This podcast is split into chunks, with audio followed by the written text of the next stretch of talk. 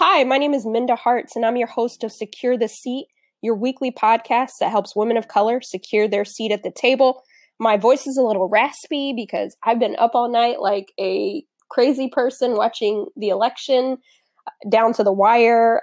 And I realized that I had to turn the TV off because I was going to drive myself insane.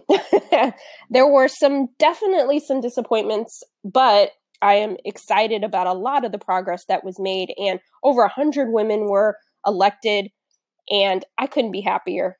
There were so many firsts. I mean, first Native American women to serve, first Black women uh, to do a lot of things in their state. Even here in New York, Letitia James, first African American woman Attorney General in Illinois, Kansas. I mean, Texas, so many places. So those who stood in line and helped these women secure their seats, kudos to you because it takes all of us. It's all hands on deck. And I can't lie and say I'm not disappointed in Florida and Texas. Still holding out hope for Georgia with Stacey Abrams. But what I find is some of these numbers do not lie uh, black women are still voting like their our lives depend on it, whereas white women, I don't even know what to say, and I can't lump you all in, but um, 59% voted for Ted Cruz, which I I think that's the biggest shocker this morning for me, and um, over I think 50% voted for uh, the gentleman that won in Florida, which I mean he ran on a racist ticket, so what side of history do you want to continue to be on? And that's for all of us. Uh, even there were, I think, 15 or 14 percent of black men that voted for Ted Cruz in Texas. Like, what the hell are you guys thinking? Um, but hey, to each its own. Um, that is what each of us has the right to vote for who we want to, and how do we be better allies? That that's where we are today. How do we look at our relationships and moving this needle forward? For all women through an intersectional lens. And today that's what we're going to talk about is intersectionality and allyship. How do we do it better? How do we do it right? Because there's a lot of self-proclaimed allies out in this world running around who are not voting in the interest of all women. And so that's a little concerning for me. And if you have friends or family members that are being self-proclaimed anythings and then their voting records show a little bit different um, that's problematic. And so the upside the silver lining is a lot of voter rights were reinstated across many states. And so i think things will look a lot different in some of these um, suppressed states that have been historically uh, suppressing votes.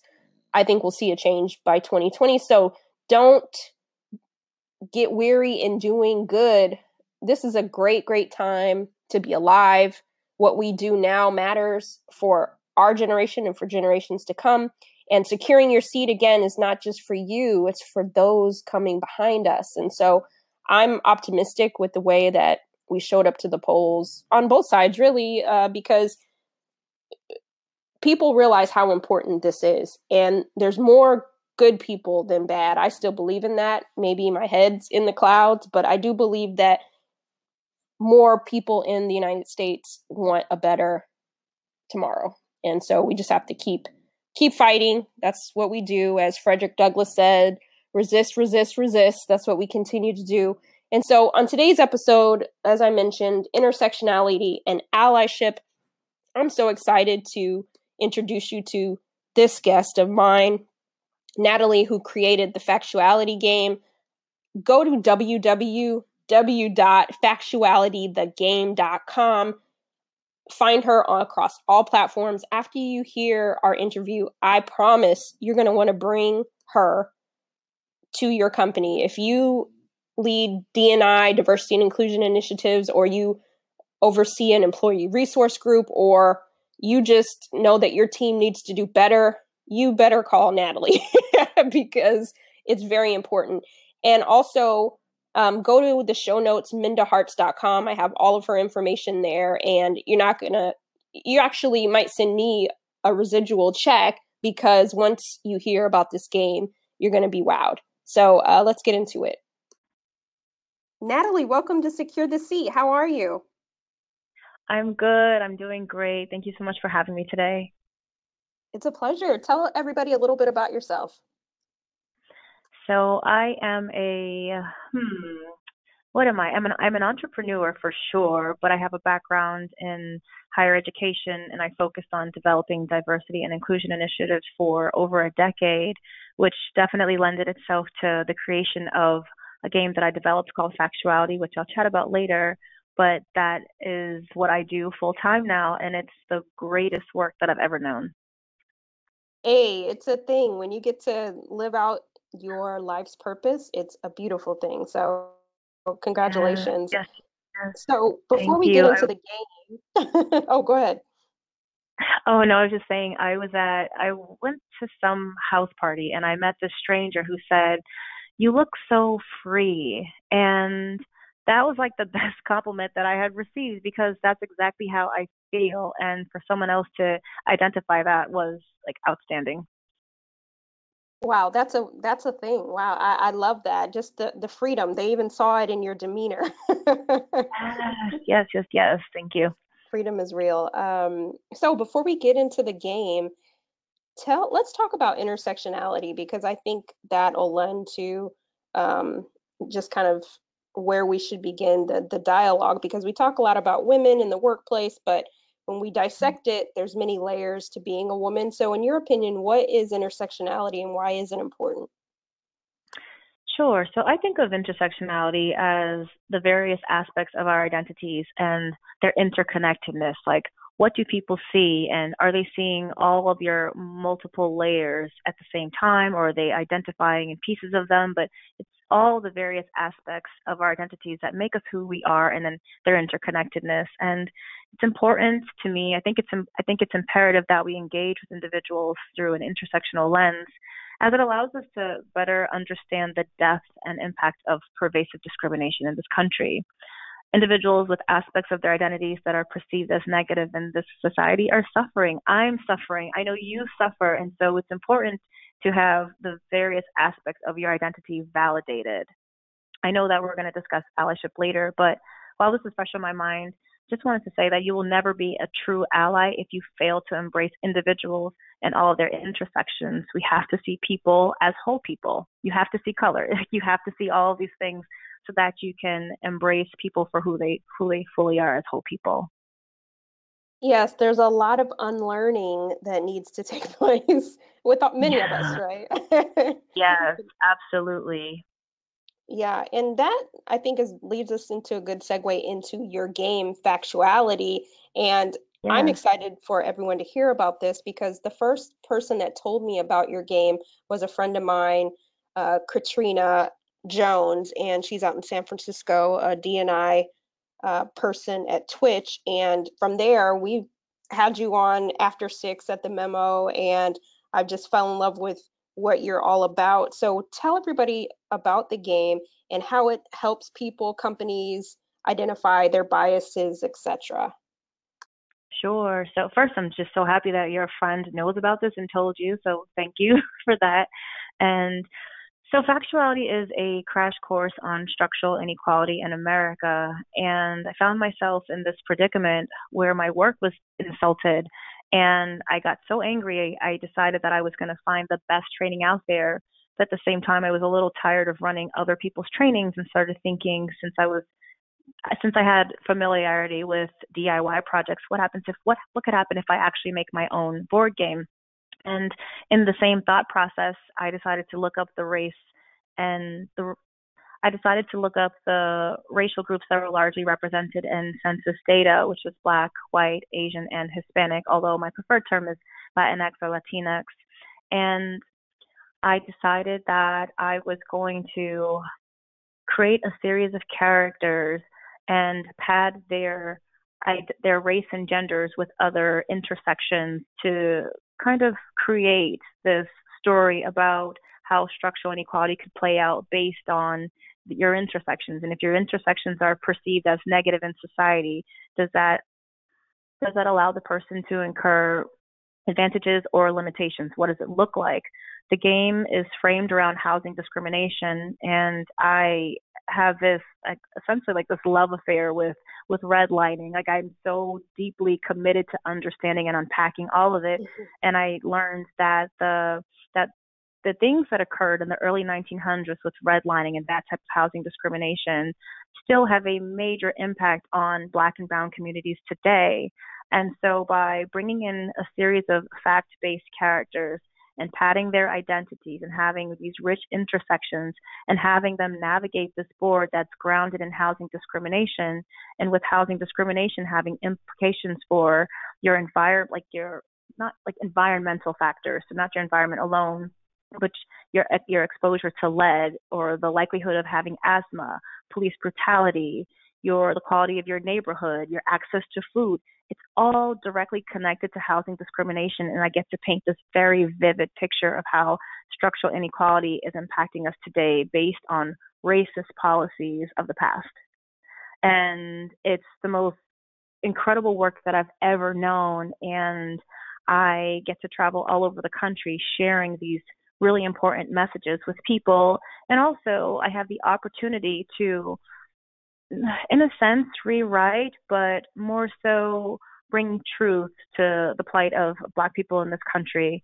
I think a lot of time there's a lot of judgment about the state of the Black community, and by focusing exclusively on the facts, I could allow a different picture to be painted, creating empathy towards the disenfranchisement of, of Black and Brown people, especially. And I have played with over 3,000 people in under three years, and most recently at Bloomberg, and I'm having these ongoing conversations about how to bring factuality back to Bloomberg. It's it's just I I don't have the words to accurately accurately describe just how incredible this all of this is and has been. Well, thank you for your slice of genius to come up with the idea to, to put this out in the world because let's be honest, we got to meet people sometimes where they are and that yeah. is training them in a different way educating them in a different way than they and i always talk about this like we have to it's still the same issue right? Systemic racism systemic oppression but the way in which we tell the story needs to be told differently yes. because they're not yeah. they don't care they're tapped out the ones that need to hear it right? Yes yes yes yes yes yes. And um with that being said, I also there's, there's a, a, really important point of this that I always forget to, to to share, and it's about when I first before like right before I even got the idea to create this, that colleague that that had unkind things to say about my my work from the past that was the best thing that has ever happened to me. And i'm not going to name drop her but i actually want to thank her for showing up as her true authentic mean self because she has taught me the most invaluable lesson about pushing through adversity and ever since then, I've always found myself seeking and uncovering and putting into practice whatever the silver lining, however the silver lining presented itself. And moving forward, no matter what negative situation I have encountered, I have always extracted the silver lining, knowing that it's going to take me to my next level, whatever that is. And that's why this work has been so successful, is that I'm always I'll have people say negative things once in a while, or I'll have people that don't support what I'm doing or have laughed at what I was doing. And I always take the silver lining out of that. I apply it to my work, and not only does factuality grow, I grow too. It's beautiful. And I just see, I know that this is just the the tip of the iceberg for you, but I know that you're going to be all over the place with this because we need it in a major way. we need you in a major way. So thank you for thank you. going with it. And it's so funny that you say that someone else, the situation with someone else is what kind of spurred this. And I'm not going to make this about me, but I have to tell you that the reason why I started the memo, I started Secure the Seat, all of that started from a bad situation I had with somebody. And it forced me to, in the workplace to have to move and be a voice. I could no longer sit by passively. And so shout out to that woman. I won't name drop her. And See what they've they've made us do. so. Yes, she made me. She helped me quit my nine to five, honey. yes, grateful. I am so grateful to her. exactly, exactly. So let's talk about that because obviously they weren't the best of allies to either one of us. so, so let's talk about Oh what. my gosh. You're just like I'm just having these flashbacks of just like, oh man, what it what a challenging time it was. Oh, definitely not a good ally, but wonderful segue. Kudos to you. yes. So it, I laugh too because I'm like, God, I was crying during that phase of my life, but I'm so thankful for the opportunity to have this conversation with you. But ally, we talk about the word ally so much, I'm almost tired of hearing it because people are wearing it like a badge of honor and not doing anything with it. exactly. but, but what Mhm. steps can we take to show up for people that might present differently than us? Sure. So I want to talk about talk about my friend Bonnie, which is going to answer this question for you. So when I hear the word ally, I immediately think of my friend Bonnie, which also makes me realize that a lot of people aren't allies because Bonnie to me is the epitome of a good ally. She's a feminist and she practices intersectional feminism. So it was only right that I, I had to look up and uh, find a set of duties that allies should follow. And here's this list, and I got it from Everyday Feminism. And it says, being an ally is about listening. Stop thinking of ally as a noun. Ally is not a self proclaimed identity. Allies take, don't take breaks. Allies educate themselves constantly. You can't be an ally in isolation. Allies don't need to be in the spotlight. Allies focus on those who share their identity. That's a good one. Allies focus on those who share their identity. When criticized or called out, allies listen, apologize, act accountably, and act differently going forward. Allies never monopolize the emotional energy. My friend Bonnie embodies this list, and she got me through like many a difficult time when I was facing racism at work. And you should check out her hashtag. It's BBM Reads, and she is constantly educating herself. Like education, reading books, immersing herself in diverse experiences is on loop. And if you're not doing those things, you are not an ally. If you're only doing two things on this list, you have eight more to go. But these are, uh, for me, Bonnie is my favorite ally and one of my favorite people and embodies everything on this list. If you're not doing this, then you're then you're failing at being an ally. Wow, shout out to Bonnie. Um, I'm gonna go and look at that that hashtag because BBM reads. there's so many of us, and I'll even put myself in it because sometimes we do allyship wrong, you know, and we think we're Yeah. being helpful when we're not. What are some misconceptions that you found around your game that people kind of are surprised by the way they think they're showing up for people, but they're really not? Does that make sense? Yes, absolutely. One of the main things. So one of the so what moves the game is is the sharing of statistics. I essentially serve as a deck of cards, and I will pause the game, pull the group together, get the group's attention, read a statistic about something, and then there's a directive that the participants have to follow. And one of my favorite ones is something about the gender pay gap, where I talk about despite academic achievement, women's median earnings are less than men's. And in some cases, when the gender pay, when the educational background is greater, women are still making less. So right there, it's like, yes, women are suffering from the gender pay gap. But if you don't take that to the next level and explore pay gaps through an intersectional lens, you're totally missing out on the fact that within this pay gap, within women making less than men, as a black woman, I am making less than my white and Asian counterparts if you're looking at national averages. And so if you call attention to that, you're painting a bigger picture of, of the issue. But some people struggle with that. And the reason why I decided to include that additional statistic about the racial pay gap is because I would typically have, and I, this no harm, no disrespect, no nothing, but white woman who would who as the as the structural limitations are playing out for certain characters would have to hold on to. But I encounter the gender pay gap, and I'm not taking that away from them. That is very true. But understanding that when you break that down, I'm making less than you. So we're both getting a hit, but mine hurts a little bit more. And if you don't approach this through intersectionality, you're going to totally negate what's happening for me and that my issues are compounded because I am not just a woman, I'm also a black woman. So you have to get on board with that list that I just shared so that you can help people kind of resolve or turn this type of issue around. But if you're only looking at through a one dimensional lens, well, I'm a woman and that's a minority in, in, in certain workplaces or whatever, you're totally missing out on the fact that there are people who are also women who have an additional aspect of their identity that are taking an additional hit. Amen. I am glad you brought that up because I feel like that's like 101, right? Because when we say women make, you're excluding so many women just in that statement. And nine yes. times out of 10, it does not include black and brown women and what they make.